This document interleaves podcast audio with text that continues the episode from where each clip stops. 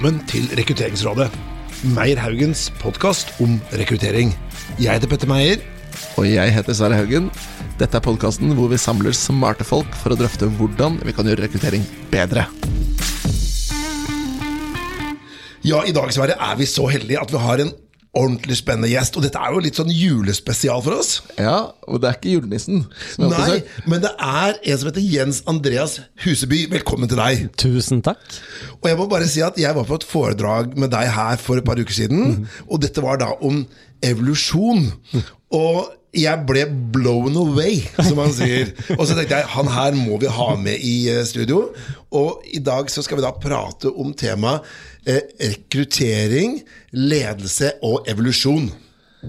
Det er en tematikk som er veldig spennende, for der er det jo så mye at vi sannsynligvis kunne holdt på å lage nesten en egen podkastserie om det, tror jeg. Ja, men nå har jo du en egen podkastserie om det, Jens Andreas. Jeg har en podkast om evolusjon og mennesker. Ja, Hva heter den podkasten? Den heter Evolusjonsprat. Ja, og Den har jeg også hørt på. Den er veldig bra. Så det er bare en shout-out til dere som skal lytte på den. Takk. Og bare gå inn på Spotify og gå på evolusjonsprat. Har du, har du hatt tematikken rekruttering?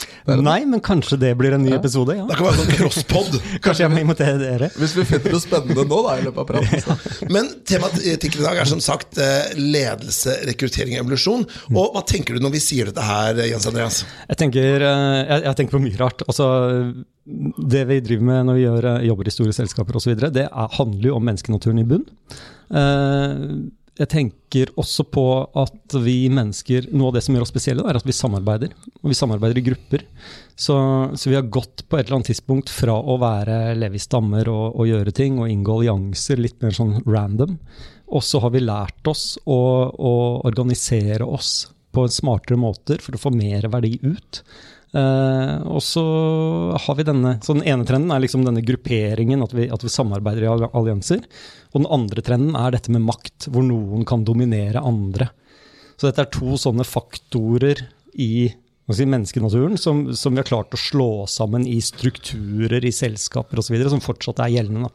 Men, men i bånn her så ligger det noen sånne grunnleggende, primale instinkter. Åh, dette gleder vi oss til å prate om, men vi har lyst til å bli litt bedre kjent med deg, eh, Jens Andreas. Og eh, når vi bare kikka litt på eh, bioen din, da, så ser vi at evolusjonsbiolog, kunstner, forretningsutvikler eh, innen digitalisering, og så jobber du i Beck. Ja. Er det noe, med, er det noe jeg har glemt? Uh, ja, jeg ble spurt her om dagen om hva er det rareste du har gjort på jobb. Ja. Uh, og det var uh, jeg, jeg tror det er da jeg var HMS-ansvarlig for verdens tredje største krokodilleutstilling. Ah, det, du! Hvor var dette hen, da? Det var på Akvariet i Bergen. Ja, ikke sant? Vent litt da, vent litt da. Jeg får så mange bilder i hodet mitt. Det høres ut som en ganske stressende jobb.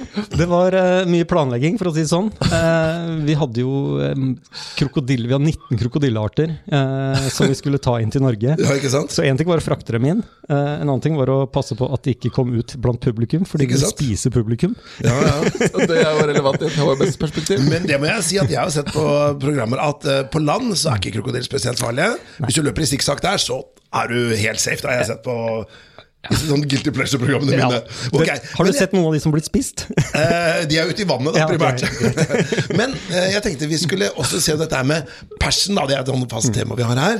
Så hvis du skulle tro du er på fest, da, Jens Andreas, og så skulle vi liksom finne ut hva er du liksom ordentlig fyrer på, da? Hvis, utenom Ja, nå vet jeg ikke hva som er i jobb og ikke jobb hos deg, men hvis et eller annet tema som vi ikke har vært borti her, som du virkelig fyrer på. Altså, jeg, jeg, jeg er sånn alltid. Så jeg tenker det er, det er øh, alltid dette med grunnleggende forstå mennesket. Eh, vi, snakker, altså vi, vi snakker jo bare om mennesker hele tida. Vi snakker om mennesker, menneskelige egenskaper alltid. Så det å, å forstå hvorfor de er her, hva er de til for, det er det, er det for å si, tilbakevendende temaet. da. Men vi, vi, vi, vi, må, vi kan ikke slippe deg av kroken så lett. Jeg må spørre.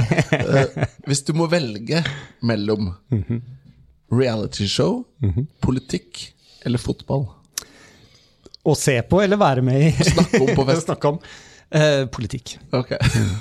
Ikke fotball. Ikke fotball. Realityshow. Jeg er jo med på et realityshow.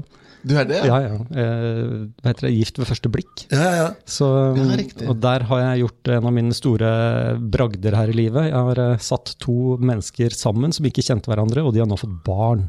Ah, bare basert på sånne biologiske faktorer? Ja. Du, Men jeg, altså. jeg, nå blir jeg veldig nysgjerrig, for jeg, har nemlig, jeg kjenner veldig godt en av de som har vært med på det showet. Riktig. Og som ble gift. Ja. Uh, Ble det barn? Ja, det er det jeg er litt, jeg er litt usikker på. Men uh, det kan vi finne ut av Det får vi ta etter podkasten. Men temaet i dag er jo dette her med rekruttering og ledelse, og hva har evolusjonen påvirket oss i forhold til hvem er det som blir rekruttert, hvem er det som blir leder, hvem er det som får makt, hvordan samarbeider vi, hvordan organiserer vi oss. Men jeg tenkte hvis vi skal bare ta et litt historisk blikk på dette her da, Jens Andreas, eh, hva vil du si er trendene innen ditt fag i forhold til rekruttering og ledelse? Altså, faget mitt holder på å vokse inn i mange andre fag. Så, så den, den måten å tenke på mennesker på, med å tenke at evolusjon har formet oss til å gjøre noen ting, den stikker jo under både psykologi og, og medisin og, og sosiologi og alle andre fag. Da. Altså Alle fag som handler om mennesker, trenger å forholde seg til hvorfor gjør mennesker sånn som de gjør. Så, så innenfor også ledelse og, og, og særlig også HR Jeg, så, jeg lasta en rapport i går som handlet om hvordan organiserer man en stor selskap etter revolusjonære prinsipper. Så det, det, er, det er noe som skjer nå hvor, hvor hele faget mitt holder på å revolusjonere alle andre fag. Da. Så det spørsmålet er litt sånn, eller svaret er litt sånn annerledes enn du trodde, kanskje. Faget mitt eh, holder på å skape en ny bunn for disse andre fagene. Da. Men bare for å ta, liksom, for å ta det helt grunnleggende her, da. Eh, Når vi snakker om da evolusjonsteori, om det er den merkelappen vi putter på det, da. Snakker vi liksom, Er vi på Darwin? Er vi på survival of the fittest? Ja, vi er det. Og the Eh, fittest er ikke nødvendigvis den sterkeste. Nei, det er riktig. Også Darwin, eh, Darwins teori er et slags overbygg. Eh, og så har det vært gjort masse eh, detaljering av det, eh, sånn evolusjonær eller evolusjonsteoretisk. Eh, og, det, og det går på alt fra attraktivitet til eh, hvor, hvordan forsvarer vi oss, hvorfor samarbeider vi, eh, hvorfor ofrer vi oss for slekt og venner, sånne ting. Som, som gjør at man nå så skjønner med, så å si hele spekteret av, av den menneskelige tilværelsen. Og, og, og, så, og så er det jo snakk om da hvis dette er revolusjonære problemer som vi er tilpassa til å løse, hva er, de, hva er de mentale mekanismene? Hvordan fungerer hjernen vår til å, til å takle disse tingene? Og det har jo selvfølgelig konsekvenser for hvordan fungerer vi i et team, hvordan fungerer vi i, et, i en maktrelasjon, hvordan fungerer vi på arbeidsplassen. Da. Men hvis vi da skal se historisk på det, da. Eh, la oss si de som ble rekruttert som ledere da, i steinalderen Ja. og opp gjennom historien. Har det vært de samme tingene man har sett etter som i det moderne samfunn, eller er det helt nye faktorer vi er opptatt av? Hvis, du- hvis du tenker helt tilbake, vi levde, vi, mesteparten av eh, vår forhistorie så har vi levd i jeger-sankersamfunn. Vi har levd i grupper på 150, 250, 300, hvor det har vært noen ledere. Eh, de lederne der har nok ofte vært basert på makt. Eh, Altså fysisk styrke? makt, ja. Og, og fysisk makt er veldig sånn eh, undervurdert i, i et moderne samfunn, fordi vi, vi ser så veldig lite av det. Men, men vi er etterkommerne etter de som måtte forholde seg til det. Og det eh, ser vi fortsatt tegn på. da.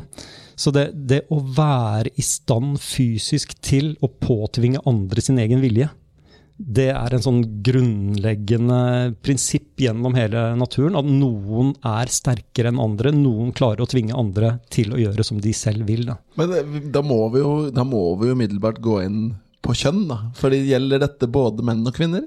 Det gjelder nok menn i større grad enn kvinner. Også internt mellom menn. Kampen mellom menn om å være den sterkeste for å på en måte dominere eh, hundene.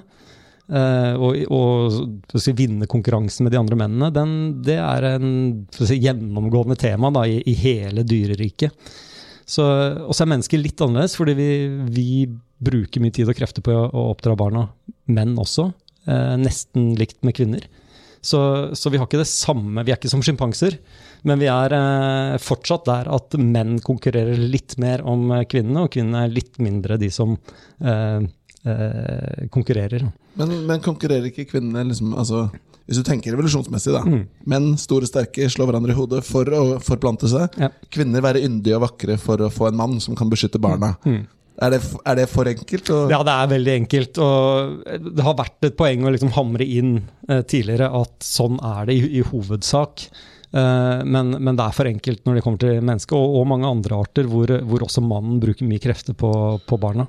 Men hvis vi da skal gå tilbake til dette med rekruttering, da, eh, så sier du at eh, i hvert fall i, i steinalderen og våre mm. forfedre, der var det at den som hadde fysisk styrke, mm. den ble lederen. Ja. Ikke nødvendigvis den smarteste. Nei. Men er det evolusjonistisk eller evolusjonært? Er det, er det riktig? Oss, eller jeg vet ikke, at det ikke er riktig, men er det rett? da?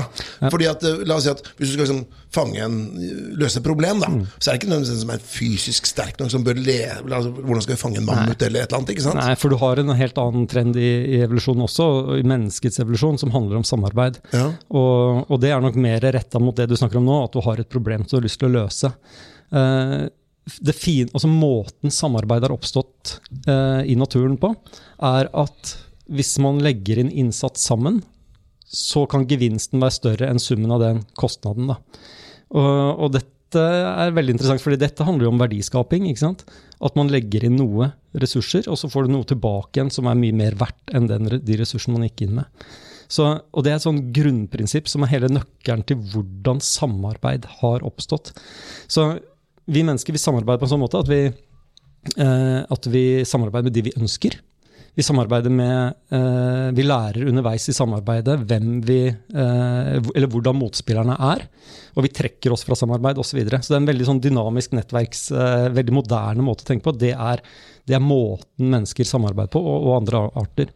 Så du har, hatt, du har hatt det sosiale spillet rundt samarbeid. Og så har du hatt det sosiale spillet rundt dominans. Og de to mot hverandre, de, nok, de, de, kjenner nok de fleste igjen i dag fortsatt er en sånn greie. At du har samarbeidende team, og så har du en ledelse som kanskje er litt mer eh, utøver av makt og dominans. Mm. Så den spenningen her er veldig veldig interessant. Et, et spørsmål rundt ja. beskrivelsen din av liksom, du samarbeider, og, mm. når, og, så kan du trekke deg fra samarbeid osv. Ja. Der er det jo noen, da, sånn mm. som f.eks. Adam Grant. Mm. Han skrev bøker om dette med typer gjensidighetsatferd. Ja. Noen er givers, noen er takers, og mm. noen er liksom opptatt av balansen med, å gi og ta. Sånn er det, er det, Der er vi vel skrudd sammen litt forskjellig? Vi er nok uh, litt forskjellige. Jeg måler jo også dette her i noen av forsøkene med mine. Uh, vi, vi, er ikke helt sikre uh, på Altså, alle mennesker har evnen til samarbeid. Alle menneskene har evnen, evnen til gjensidig, gjensidighetssamarbeid. Og vi spiller det spillet hovedsakelig på samme måte. Alle skjønner det. Alle skjønner retribusjon, alle skjønner straff, alle skjønner at noen eh, ikke eh, det, Å forholde seg dette med juks osv. Ja. Eh, men, men eh, noen gir mer. Noen har overskudd til å eh, ville ja. gi mer. Og noen er mer eh, forgiving. noen tar støyten på å straffe cheaters, mens andre ikke gjør det. Ja. Så, og, og cheaterne prøver jo ikke å bli tatt. Ja, de prøver jo ikke å bli tatt, ja. men, men, spillet skjønner vi. ikke sant? Ja, ja. Så det, Vi er, vi er tilpassa spillet, og så er det litt sånn situasjonsavhengig. Hvordan er de andre spillerne? Kan jeg komme unna med det her? Uh, har jeg nok overskudd nå til å uh, bidra inn i dette samarbeidet? Mm. Men hvis vi da likevel ser på det med Jeg må gå tilbake til det med ledelse og rekruttering. Men, men la oss du sier at uh, Før så var det fysisk sterke personer, mm. så var det en samarbeidsmekanisme. Men altså i dag, da, har de som er store og sterke, høye kraftige, fysisk styrke, er, blir de ofte ledere i dag? Ja, det gjør de. Uh, det, det, er bare å telle, så, så det kan man se. Ja. Ledelsen er, er, ofte høyere enn gjennomsnittet osv. Uh, du ser det også i akademia. altså De, de fleste med ph.d. eller uh, sånt noe er høyere enn andre. Ja. Så, så, her er det noe i oss hvor vi kjenner, igjen, eh, vi kjenner, igjen, det hos andre, og vi reagerer på det. Men er de bedre Er de bedre ledere? For en ting er som at Hvis de er bedre, så er det jo greit. Men, men la oss si høyde og fysisk styrke, korrelerer det med smartere beslutninger? Ikke nødvendigvis, men det korrelerer jo med hvilken innflytelse de har. Ja. Eh, siden alle reagerer på det, så, så, anerkjenner jo alle at dette er noen som det er verdt å høre på. Ja. Så, så, sånn sett så er det jo et poeng at de også eh, blir ledere, og det kan være en fordel da, for et selskap som skal være, eh, velge de riktige menneskene, som har innflytelse og kan utøve innflytelse. Ja. Men eh, tilbake til dette med kjønn da, og ledelse. For det er jo ikke noe tvil om at hvis du går opp på toppledernivå, eller på høyt opp i ledelsesnivå, så, så begynner det å bli færre kvinner og flere menn. Mm.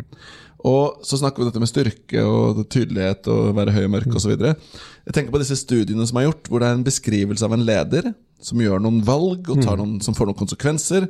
Og så er det en mann i historien, ja. og så blir den vurdert. Og så når de inn, bare bytter navnet til et kvinnenavn, så får den kvinnen mye dårligere vurderinger. Det er samme atferd. Mm, Er dette forklart med denne Det er altså veldig mye av eh, dette med å forklare hvordan en ting har skjedd. Det er noe vi gjerne gjør i ettertid. Eh, det er ikke nødvendigvis sånn at denne historien som fortelles, nødvendigvis er sannheten.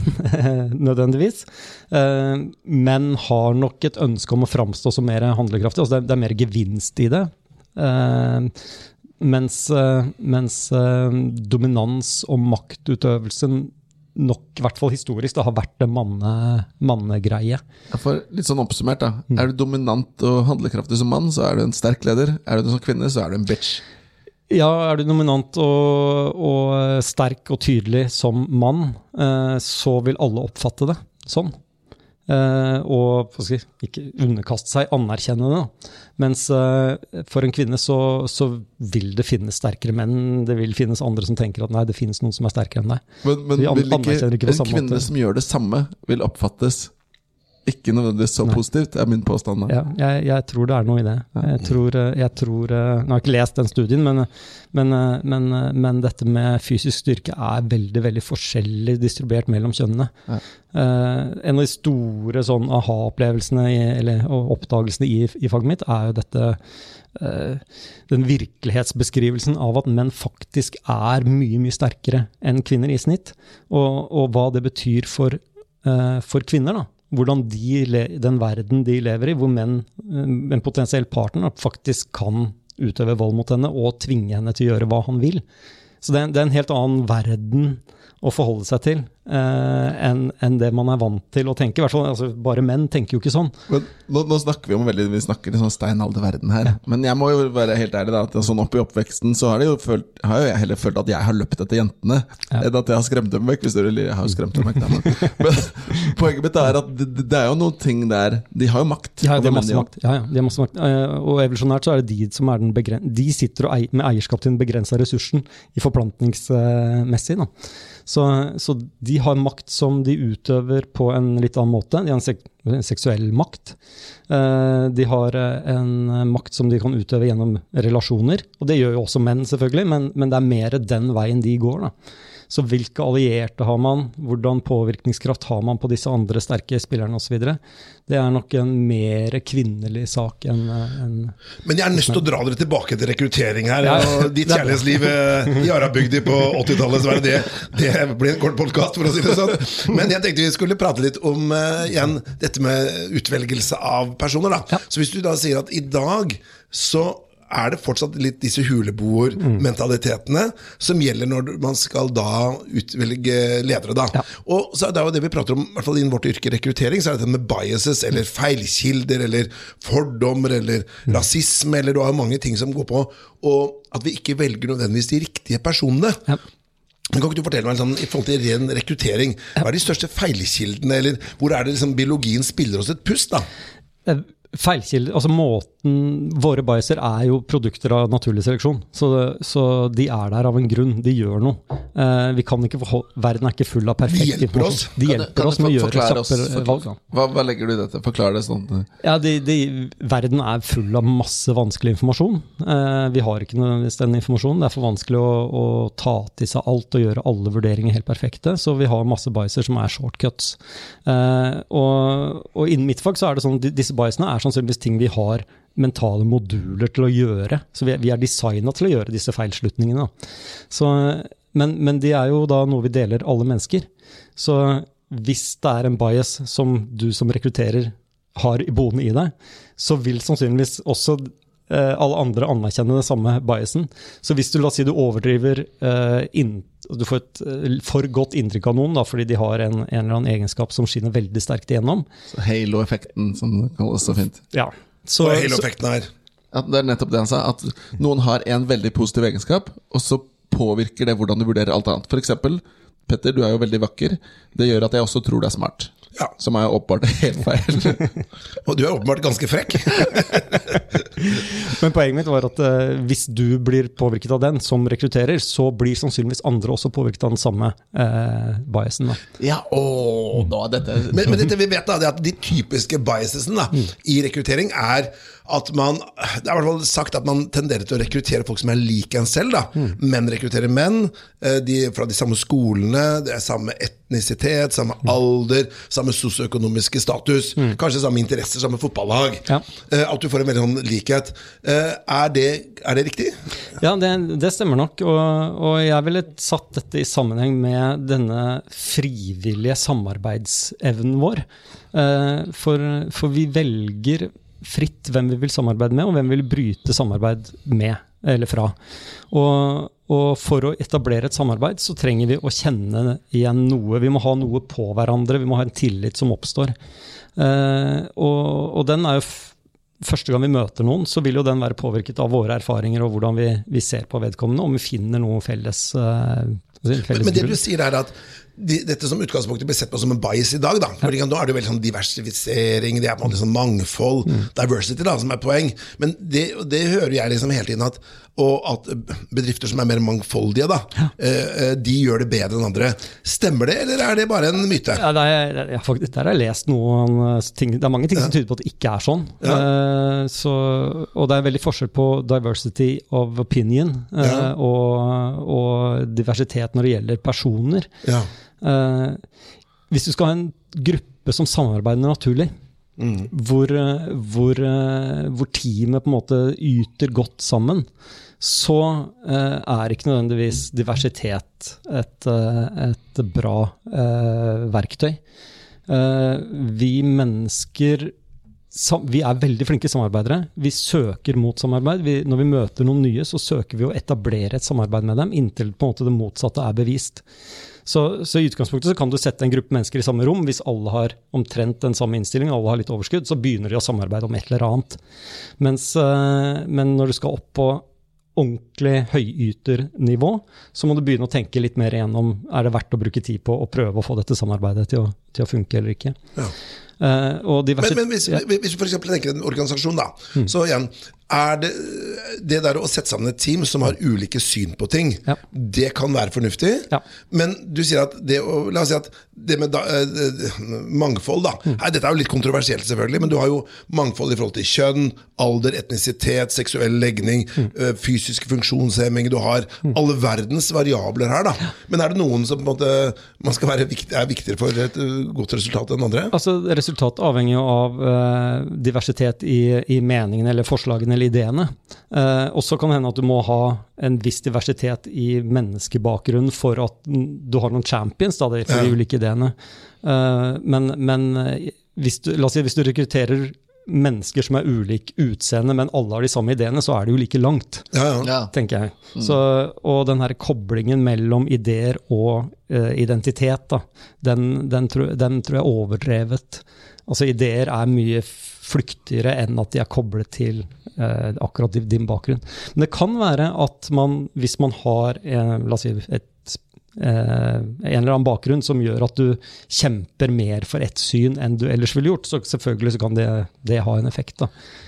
Men hvis vi ser på Vi snakket litt om biases. Eh, og så snakker vi, Det er en rekrutteringspodkast. Vi ønsker jo som rekrutterere å ta gode valg. Ja. Og når vi ser på rekrutteringsforskning, så snakker vi om prediktiv validitet. Dette måleverktøyet, om det er evnetest eller case, eller hva det er, vil det være i stand til å bedømme om du kommer til å gjøre en god jobb.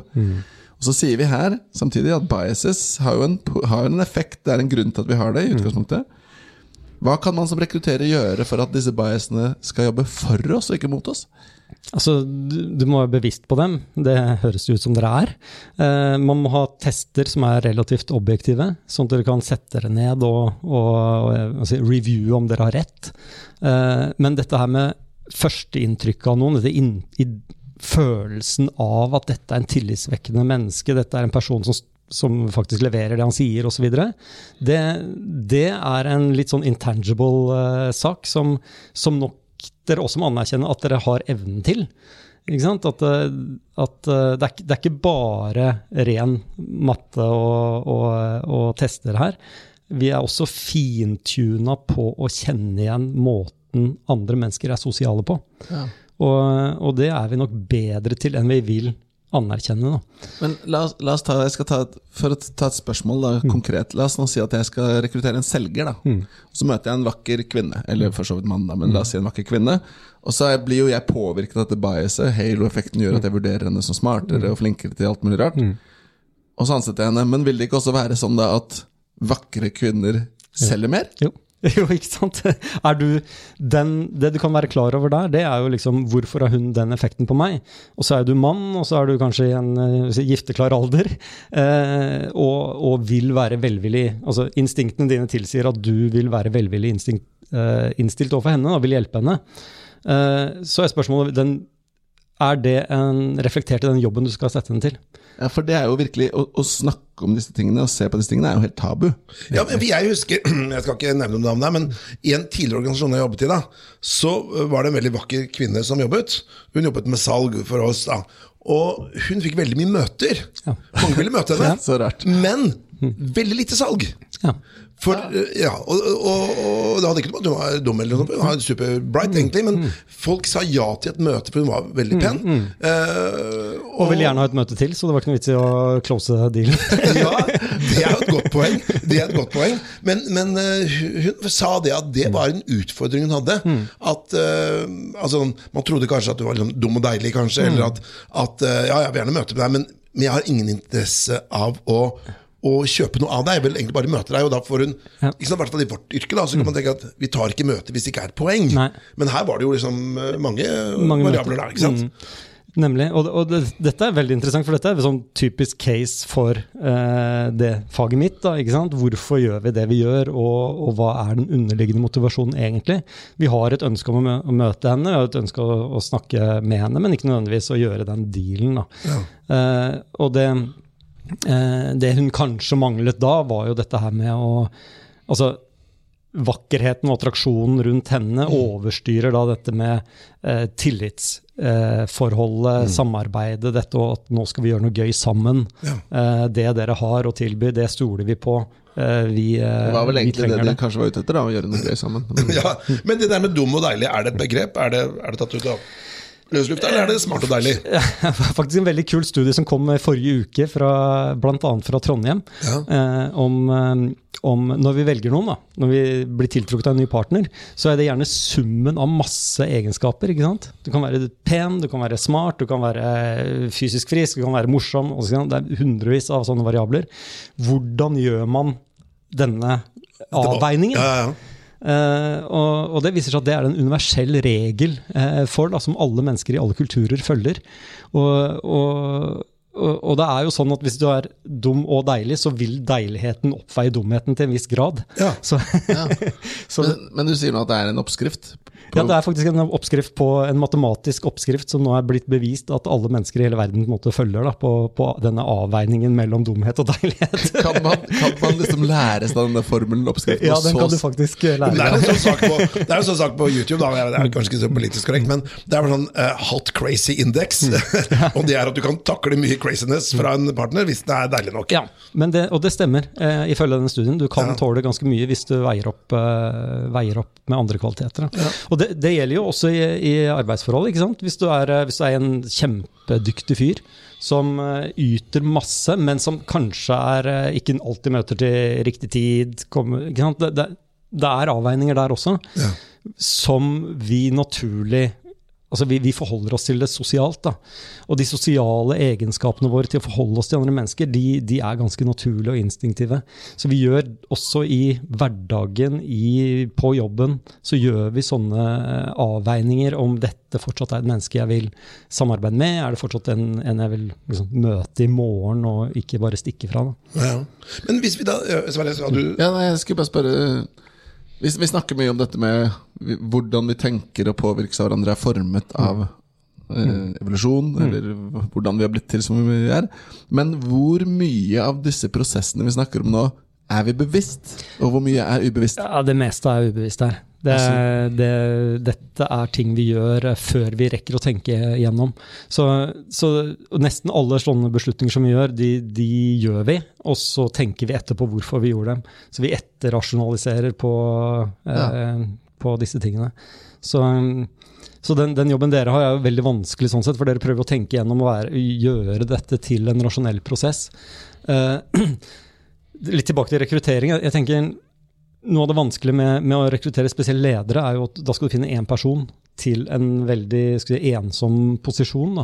Uh, mens der hvor vi når, vi når, vi velger hvem vi vil omgås til, til, daglig, så velger vi oss. Det er en form for rekruttering, det også. Den er ganske naturlig og instinktiv for oss. Så det dere gjør, er jo egentlig å, å velge noen som skal få utsettes for en annen seleksjon etterpå, som er oppdragsgiveren deres. Og der vil det også igjen være mye si, instinktiv, liker vi han, liker vi henne, tror vi på henne, eh, osv., eh, som nok er underliggende og utslagsgivende. Så, så, jeg tror den rasjonelle biten av det, den er én sak, men det, sånn dere velger ut noen, men at selve valget foregår jo hos eh, arbeidsgiveren eh, deres igjen. Og den er også ganske instinktiv. Mm. Men er det ikke Bare et kjapt kommentar. Gitt det vi snakket om med samarbeid og type og sånt noe, er det ikke sånn sett rasjonelt å være instinktiv? Jo, det er det. Også, vi kan stole ganske mye på, på instinktene våre når det gjelder samarbeid. Uh, masse kule bøker om dette her. Uh, mennesker blir omtalt som uh, hyper-cooperators. vi samarbeider mye mer enn de matematiske modellene og evolusjonsmodellene tilsier. Og så er det et sånn faglig spørsmål om hvorfor gjør vi det. Men vi kjenner igjen, vi vet hvor, hvordan vi gjør det. Altså Hva er det vi gjør som er liksom litt utenfor modellen? Hva er det vi gjør som er litt mer enn en det andre arter gjør? Så, så, det er et sånt felt som er, er litt mystisk, men samtidig veldig godt forstått. Og det vi i hvert fall vet, er at instinktene våre gjør oss til supergode eh, samarbeidere. Ja. Men hvis vi da ser på dette her med Eh, med, igjen med lederskap. Da, ikke sant? Nå prata vi litt om fysiske kjennetegn. altså Stor, sterk, eh, muskler. Mm. Eh, vi prater om utseende, også en fysisk ting. Men og stemme. Sett, hva sa du? Og stemme. Og stemme, ja. Ok, Hva tenker du, hva er viktig der? Nei, Stemme er, stemme er også en indikator da, på dette, denne fysiske dominansen. Ja, Så er det lys eller mørk stemme som er viktig her? Mørk stemme. Så hvis man har en sånn mørk stemme som dette her Det er riktig. ja, det, og det er til og med det er raspingen i stemmen. Det er ikke, det er ikke nødvendigvis og så er raspingen altså ja, riktig? Ja. Du, dette her Jeg er, jeg er sånn, brygger litt på sånn halsonde nå, så det kanskje jeg skulle bare Whiskyrost og ja. Drikke masse whisky. Ja. Alt du sier er sant nå. Ja, ikke sant? Det er godt å høre. Eh, men du, jeg, jeg skulle gå videre, på det. dette er det fysiske. da mm. Men så er det også liksom, hva skal jeg si, personlige egenskaper. Personlighet. da Personlighet er spennende. Ja, og Det er det jeg tenkte vi skulle gå litt mer inn på nå. Og det er at hvilke personlige egenskaper, altså personlighet, mm. blir ofte forbundet med ledelse, og da toppledelse. Ja. Ja, det, jeg kjenner ikke detaljene i det. Uh, hva, man, hva, dere velger, det er litt deres fag. Jeg vil gjerne høre det. Ja, ja, hva, hva, Men hva tror du er evolusjonært? Hva tror du på en måte, Hvilke personegenskaper har vært viktig? Jeg tror både openness, altså dette med åpen for nye ideer Nå snakker vi om Big Five-modellene. Uh, uh, den tror jeg er er, er viktig. Men så har du um, altså Spesielt openness er viktig også når det kommer til samarbeid. Du er en person som, Den, den er korrelert med viljen til å yte litt ekstra for et felles uh, gode, ja. og til å ta et par støyter på vegne av fellesskapet. Så folk som da er samarbeidsorienterte, ja. de Eh, skaper mer effekt, positiv effekt enn de som er mer sånn ensamflygere og ja. ikke har lyst til å være med og, og dra lasset. Ja. Uh, og de blir da valgt i større grad enn de som Ja, Men, ja det fall, de vil i hvert fall fungere bedre. Altså, det, det, den effekten de har i et team, er at de uh, Hvis det skjer noe i gruppa, i samarbeid i gruppa, noen trekker seg, noen ikke bidrar, noen ikke ser det samme som alle andre, så er dette personer som er villige til å gjøre litt ekstra, som kanskje ikke kommer dem til gunst med en gang, mm. men som drar i gang samarbeid igjen. Ja. Men, du, men, du, legger dette under openness og ikke agreeableness? Ja, det er, eh, det er en uh, studie ja. faktisk ja. Som, som, linker uh, openness og altså agreeableness også, men openness først og fremst, og som er den sterkeste For det er, det er, jo interessant å se på studier, og det, dette er kanskje kjent materie for deg, men studier som ser på hvem blir valgt som leder, mm. versus hvem som gjør en god jobb som leder. Og da ser man jo at openness, consensuousness, altså samvittighetsfullhet, Mm. ekstraversjon, de bør du være høy på for å bli valgt. Og så må du være lav på nevrotisisme, eller Ja. Mm. ha høy emosjonell stabilitet. Da. Mens det er de som blir ledere. Mens de som er gode ledere, Mm. da blir det plutselig ikke så viktig med den samvittighetsfullheten og den strukturen. og sånt. Den faller bort. Mm. Men så blir agreeableness, altså medmenneskeligheten, vokser opp da Mm. for å være en god leder. Det kan jeg tenke, det makes sense for meg. Eh, at, man, eh, at man eh, tror man vil ha én type mennesker, og så, og så er det en annen type mennesker som faktisk eh, performer bedre. Eh, og, og det siste du snakker om, det, det er jo mennesker som, eh, som er gode til å, til å et, gjenetablere samarbeid. Ja. For samarbeid er en dynamisk sak. Så hvis du har en gruppe med, som samarbeider seg imellom, om det er et lederteam og, og opp og ned og, og sidelengs i, i, det, i den strukturen, eh, så vil det skje ting. Hvor samarbeidet bryter sammen, eller står i fare for å bryte sammen. Og da trenger du noen som er villig til å måte, dra lasset. Og her ligger, sant, Mye av ledelsestrikset ligger akkurat her.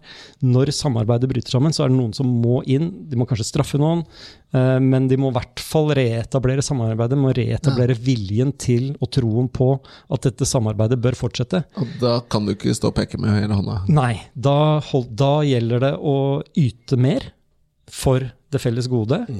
Ikke nødvendigvis sutre over det, men «Hysj, nå gjør jeg det, nå trekker jeg lasset videre, som en innsats inn i det felles gode. Og så ser alle sammen ja, men shit, denne, nå øker potten igjen, nå vil vi eh, være med igjen. da. Ja, for det er interessant det du sier med potten. da For um, Hvis du tenker menneskeegenskap, da det er ganske definert Eller det er en av de tingene der at du utsetter lykke nå for å få noe senere. Du bytter nå mot framtid.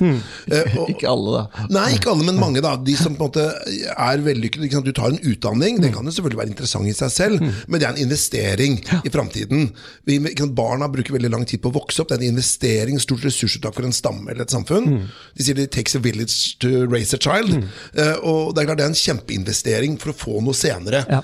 Uh, og det er også sånn folk som jobber hardt og står på. og tenker ja, de som, ja, Til sommeren skal det skje noe, eller pensjonsalderen, eller kanskje jeg får noen aksjer, eller et eller annet sånt. noe. Er det sånn type sånn menneskelig egenskap? Ja, dette og nå er vi inne på noe kjempespennende, altså, for dette her er Her står faget mitt i, i opposisjon til psykologi. Ja, nettopp. Eh, fordi Jeg har sikkert hørt om tilknytningsteori eller noe sånt. nå. Det er i hvert fall et buzzord blant psykologer. Da.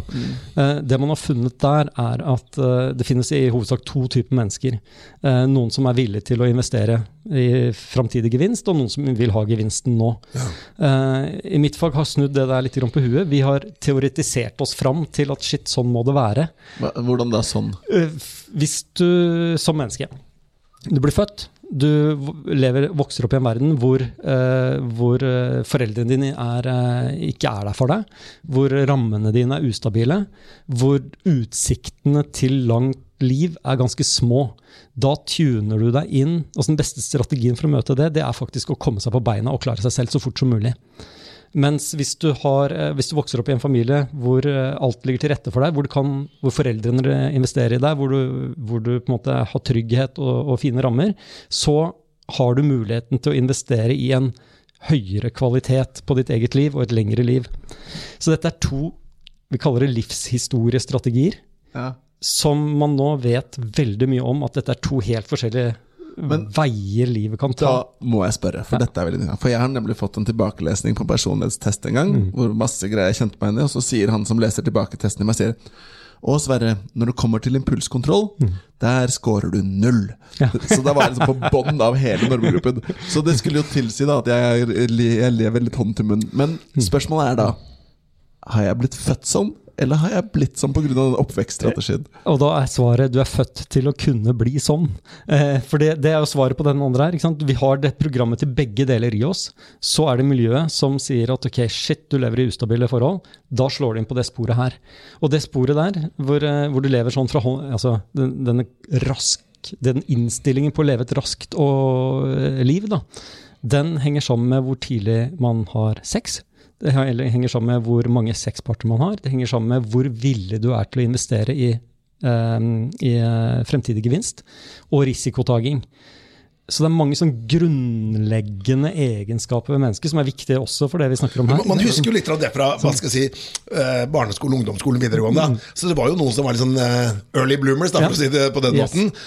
det, det, det kan jeg bare si meg at det var ikke jeg. Nei, nei, men ikke sant? Du hadde jo den liksom kanskje litt karikert, du hadde den, den typen både kvinner og menn da, som da var litt tidlig på'n. da Ja. Både seksuelt og kanskje også var liksom mer rampete, litt utfordrende.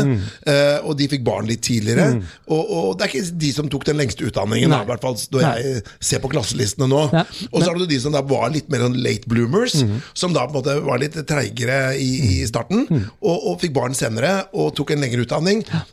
men, men er det fordi at de måtte makse tidligere? da De hadde et kortere forventet livsspenn, Ja. og de måtte da makse tidligere for å komme opp til speed. Ja, det er, det er helt riktig. Akkurat det man ser. Og dette finner man igjen i Sannsynligvis så vil dette også påvirke hva slags personlighet du har. Ikke? Du hører, hører hva jeg snakker om når, når det gjelder. liksom. Hvor, hvor risikovillig er du? Hvor åpen er du? Hvor, hvor, sant? Så, Men, men, men jeg må bare spørre, fordi det du sa i stad, ikke så sier du at jo, du har, det, du har liksom programmert i deg til å gå den ene veien, eller den andre veien, som, som jo da skulle tilsi at eh, det er egentlig blitt sånn, du sier Ja. svaret er. Men er det ikke sånn at noen vil ha et bedre anlegg for den ene eller typen? Selvfølgelig. Så, ja, og her, her, det her er det litt sånn vanskelige svaret da, på født sånn eller blitt sånn, som, som er det faktiske svaret, som er at vi er født til å kunne bli sånn.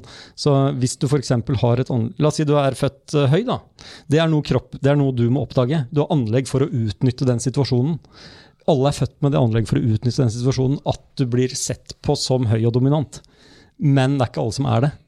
Så, og hvis du er født Gir et potensial. Det ligger et potensial der ikke sant, som Ja. man optimaliserer. Ja, Så så, det er- så, det, er det en kombo. Du, er kan, kombo, du kan skusle bort det potensialet. Nemlig. Det Ja, går jeg har hørt, eller Det siste jeg lærte, var sånn 60 gi- født, 40 blitt. Ja, for, for meg gir ikke det mening. Det er, det er veldig interessant Hvis du spør en evolusjonsbiolog om født sånn eller blitt sånn, så får du et sånt svar. Svaret er det gir ikke mening å stille spørsmålet. Ja. Fordi vi er tilpassa til å kunne reagere på miljøet.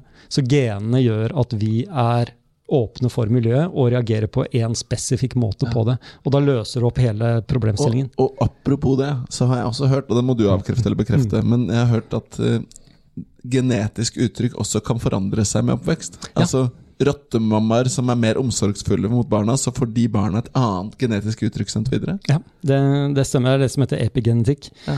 Eh, veldig, men det er veldig altså, Det du hører om det, er nok veldig annerledes enn det det faktisk er. Eh, og her er skrevet noen artikler sammen med professor osv. Så, videre. så eh, det, det det handler om, er det er ikke arven, det er hvordan genene kommer til uttrykk. Uh, og det er helt spesifikt altså den, den, Hva som blir påvirket på den måten, er ikke tilfeldig, for det er genetisk styrt. Ja. Hvis du skjønner hva jeg mener? Nei, ikke det hele tatt, men det er greit. Så, så, så, så, så, så de tingene som blir påvirket på den måten, det er uh, miljøendringer som kan ventes å vare i et par generasjoner, f.eks. hungersnød. Ja. Så hvis foreldrene vokser opp og har veldig lite tilgang til mat, så uh, legger det en slags imprint på barna som gjør at de er i stand til å leve i et miljø hvor det er lite mat. Men det er ikke en situasjon som sannsynligvis har vart veldig lenge, så dermed så blir det borte igjen kanskje generasjonen etter det igjen. Men, men nå tenkte jeg vi Så skulle spennende. Men du, som sagt, dette her er rekruttering og, og ledelsespodkast. Så jeg tenker at det, Nå har vi jo pratet en god del om, eh, om dette med evolusjon og, og sånn, men jeg har lyst til å bare spørre liksom, hva slags nytte har vi av dette? da?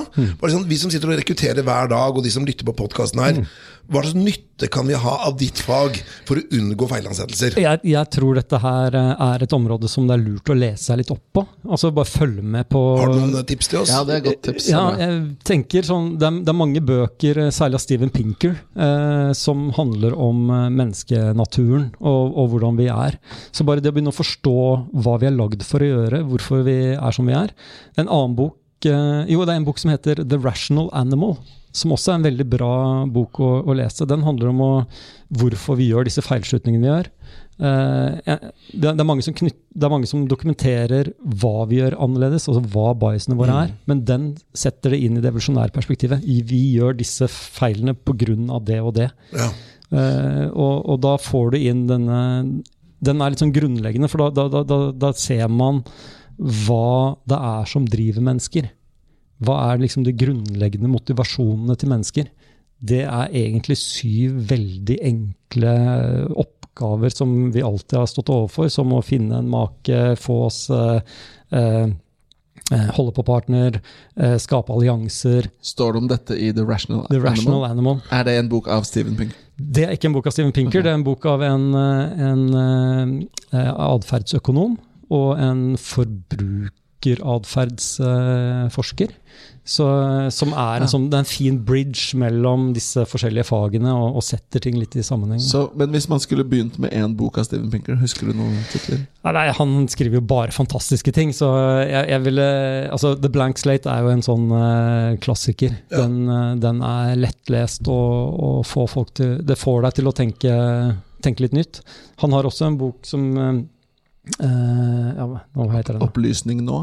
Ja, Den er fantastisk, men den handler om noe helt annet. Ja, okay, okay, okay. Men altså, da vi oppsummere da The Blank Slate av Steven Pinker og The Rational Animal. Ja. Det er to anbefalte bøker for Ja. de som har lyst til å lære mer om de tingene vi ser Ja, jeg ville begynt med The Rational Animal, for den, det er en bridge som er mye lettere å, å, å ta, tenker jeg. Og ditt, din påstand her er at de som jobber med rekruttering og ledelse, de vil ha nytte av dette her. Ja.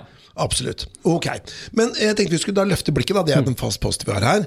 Og hvis du kunne løst et problem innen rekruttering, da. eh, gjerne relatert til det vi har pratet med nå, eller noe helt annet. Hva skulle det vært? En Kneps i fingrene, så er det borte. Ja, jeg ville vært forsiktig med, med tester. Personlighetstester. Ja. Eh, det jeg vet om personlighetstester, er at, eh, at de, de ikke nødvendigvis funker. Det er veldig mye rart eh, der ute, så jeg ville i hvert fall sjekket om de faktisk har effekt. Altså hva er dokumentasjonen på det? Eh, er, er det knytta til ekte forskning på, på menneskeatferd? Og, og har det en effekt på det, det man prøver å oppnå? Og så ville jeg også tenkt da Stol litt mer på instinktene dine. La det være en faktor også, du skal ikke, men, men vær rasjonell rundt Så det. magefølelsesrekruttering, som egentlig noe vi prøver å komme vekk fra. Ja, For vi tenker jo evidensbasert. Ja. Men det du sier, magefølelse, den, den kan være en fin følelsesvenn. Ja, altså, Bruk den for det den er verdt. da, ikke sant? For du har, et, du har et velutviklet apparat for å gjenkjenne sosiale egenskaper hos andre. Ja. Uh, og det er mer presist enn det disse testene og andre ting klarer å fange opp. Så, så bruk det, men anerkjenn at du har dette apparatet, men og så må du liksom sette deg inn over det. Men nå må jo jeg som rekrutterer, som er vant til å møte ledere som er verdensmestere i rekruttering, det er jo de fleste, så må jeg si, er ikke dette litt som the one ring? Altså, we, we can't wield its power. Det er, for, det er too much. Ja, vi kan ikke bruke det som et våpen, for det er for kraftig. Jeg, jeg, jeg tror altså hvis du ser, du, jeg, jeg tror aldri vil komme dit at du kan se ok, her har vi dette teamet med disse personlighetsegenskapene. Her har vi, her har vi oppgaven skal løses. Her er den perfekte matchen med eh, parametere vi kan måle hos, eh, hos eh, denne partneren.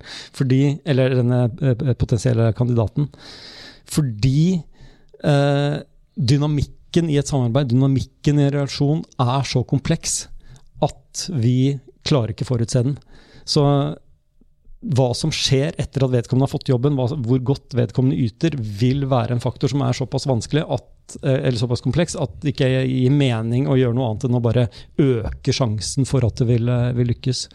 Så Men jeg tenkte nå skal vi gå til dilemmaene våre, Sverre. Jeg ser du så hopper her i jeg, jeg skal bare oppsummere, bare fordi dette var å løfte blikket. Ikke sant? Hvis vi skulle fikse noe, så oppsummerer jeg det du sier. En, eh, være bevisst og sikre at man bruker gode personlighetstester, og liksom Ja. hvordan man bruker de, ikke minst. Og nummer to, at det er rasjonelt å være instinktivt, så lenge du er litt bevisst ja, instinktene du må ha rasjonaliteten over instinktene dine. Ja, Det er vel egentlig det jeg sier. Så nå kan du ta dilemmaet. Nå er det dilemmaet igjen. Og jeg tenker at vi har eh, flere dilemmaer her i dag. Og eh, jeg tenker at eh, hvis da du skulle rekruttert til deg selv, eh, og uh, du hadde da tatt en person som da du hadde uh, var helt perfekt til den jobben du skulle gjøre, da. Mm. liksom CV-en stemmer, personligheten stemmer, alt, og liksom disse var helt riktig på alle, alle ting. Men så tar du da en, hva skal jeg si, en sosiale medietest på de, og så viser det at de er medlem av UFO Norge. Tro på ufoer. Hva, Så skal jobbe i Beck. ja, Som ja. rådgiver. Hva, hva tenker du da? Ja, ja eller nei? Uh, jeg tenker ja. Da, gitt at alt annet stemmer. Ja, ja. Ufo er eh, tilgivbart. Det går an å gå inn i en rasjonell diskusjon Ja, for det det. kan jo hende det fins. Ja, Altså, UFO-er fins jo udiskutabelt, det er jo et uidentifisert flyvende objekt. Men om det er ekstraterrestrielt. Ja, ja. Jeg, har, jeg har selv vært medlem av UFO Norge da jeg var elleve år. Så, Ja, det er det. så jeg ville Du er definitivt altså ref, ref tematikken i dag, så er du litt biased. ja, er biased. Ok, men la oss si at, eh, Så det er greit. Eh, Men la oss si du er medlem av Flat Earth Society, da, og du tror jorda er Ja, paddeflat. Da begynner jeg å tenke at her er det en person som kanskje ikke nødvendigvis tar inn over seg eh, Altså forholder seg til informasjon eh, nøytralt, Ja. og ikke evner det. Så hva hvis, og da, da er det veldig fristende å spørre hva hvis vedkommende er veldig kristen. Men det skal ikke gå den veien, for da, da kan det bli bråk. Ja. Er det da jeg ikke skal svare? Nei, men så Flat Earth, det er ikke greit. Nei. Nei. Men la oss si at hvis du har da en person som uh, eh, La oss si denne personen din da, er, kunne du tenke deg å jobbe med f.eks. partneren din. da Kona Ja, di. Eller, det er dilemma nummer to. Det er dilemma nummer to. Kunne du tenke deg det? Tror du det hadde vært uh, lurt? Helt uavhengig av hvordan eh, partneren din er, da. Jeg kan du bare gjenta det dilemmaet? Ja, altså, la oss si at Hvis du hadde en som hadde søkt på en jobb hos deg, da så viser det seg at det er eh, kona di da som har eh, søkt på jobb. Mm. Bare er helt perfekt, og sånt, men det er sånn rekrutteringsdilemma. da Ja. Blir det for close, eller ville det vært helt hyggelig? Ja, Det er for close. Ja. Det tenker jeg. Det er, eh, da er det igjen da er det så mange andre faktorer som kommer inn. Vi har jo snakket om det, disse andre motivasjonene som ikke har med jobben å gjøre. Eh, Det, det er de som kommer inn, det er de som gjør det problematisk. Det er andre bånd, det er andre motivasjoner jeg har, det er andre motivasjoner vedkommende har, da, som, som gjør at dette ikke vil handle om jobb lenger. Og så er det ofte et problem La oss si at Jeg har vært borti en problemstilling flere ganger. Og så sier ja, men det er ikke noe problem for oss. Nei, men det er et problem for andre. Ja. Og det er det som er hele poenget. Yes. da Ikke sant? Og da, da vil an, an, altså igjen, Vi er veldig sosiale mennesker, vi, vesener. Vi, vi klarer å lese andres intensjoner, vi klarer å lese andres motivasjon. Andre vil begynne å stille spørsmål ved gjorde du dette pga. Noe annet enn det felles målet. Ja. Ja, ja. Ja. Men, men er dette da et generelt råd du vil gi? At ikke jobb med samboeren din? Eller er det din personlige mening? Faktisk et råd, ja. Eh, det blir vanskeligere med venner. Fordi venner er eh, et etablert forhold for... Altså så lenge, så lenge det er en relasjon som du kan bryte opp hvis vedkommende ikke er en god samarbeidspartner. Altså Hvis Ja. det er en du er venn med fordi Business vedkommende er god. and pleasure. Ja. Det kan være at man har eh, Det er litt sånn gone in 60 seconds, du må kunne kutte tråden og stikke, ja, liksom? det er noe med det. Ikke for mange ties til andre hensyn enn eh, et godt Men, samarbeid. men samtidig så er jo den si, intimiteten i den relasjonen er jo en veldig styrke i forhold til tillit og Ja, ja ikke sant? Du, hvis Og de aller fleste arbeidsplassene i verden er jo en mom and pop shop. da ikke sant? Du er samme jordbruket, du er som sånn samme hjørnebutikken i New Delhi. Det er, altså, de aller fleste jobbene jobber man jo med familien sin. Ja. Altså, samarbeid innad i en uh, familiegruppe er veldig bra. Det er noe av det som kanskje gjør mennesker til veldig gode samarbeidspartnere. Det er at blod gjør at eh, du er villig til å yte mer da, for samarbeidet. Så sånn sett så er det ikke noe sånn gærent i den dynamikken. Det er det at vi, vi, eh, vi er flere enn den familien i, eh, i en jobbsammenheng. Og da blir det problematisk, for da er det plutselig en allianse inne i eh, en større samarbeidsgruppe. Og den Det, er det er jo mange som sier at det er veldig det er ikke så lurt å begynne å jobbe da i en familiedrevet bedrift. For du vet at den toppjobben den går alltid til sønnen eller datteren Nemlig. uansett. Eller så har de hatt en konfirmasjon, og da har, sånn, da har de hatt strategimøte på kvelden. Mm. Og der er ikke du en del av det. Så det er mange som kvier seg for å gå inn i familiebedrifter. Da kommer jeg på et boktips til. Ja, gjerne det. Eh, det er eh, Fukuyama, han er historiker. Eh, den heter 'The Origins of Political Order'. Oh, ja. Den er veldig interessant, fordi den, om, den tar utgangspunkt i menneskenaturen og dette vi har snakket om tidligere. Uh, hva er det vi eh, naturlig søker til? ikke sant? Og det er, det er nepotisme. Na, naturlig så vil vi favorisere vår egen Nepotisme, er at du ansetter familiemedlemmer. Yes. Og, og mye av makttilegnelse og sånt nå er blitt Det har vi som egenskaper fordi vi klarer da å, til, altså, eh, å dele ut gevinster da, til familien vår, og det er evolusjonært lønnsomt. Så veldig mye av organisering, måten vi har formet eh, samfunn og nå også store bedrifter på, er mekanismer for å komme unna det. For å styre vekk fra eh, det at eh, feil person sitter og til, Eller en person sitter og tildeler eh, posisjoner, penger, makt til andre i sin egen familie, fordi vedkommende også tjener på det indirekte selv. da. Og offentlig anskaffelsesregelverk eh, er midt i kjernen her. Ja. Men jeg tenkte, det skulle, jeg tenkte vi må gå inn for landing her nå. Det har vært en så stor glede å ha deg her i studio, Jens eh, Andreas. Takk. Og jeg tenker at det, det er sikkert ikke siste gang vi har deg her i podkasten. Jeg kommer gjerne tilbake. Ja. Og da gjenstår det vel bare å si tusen takk og god jul. Ja, god jul. God jul.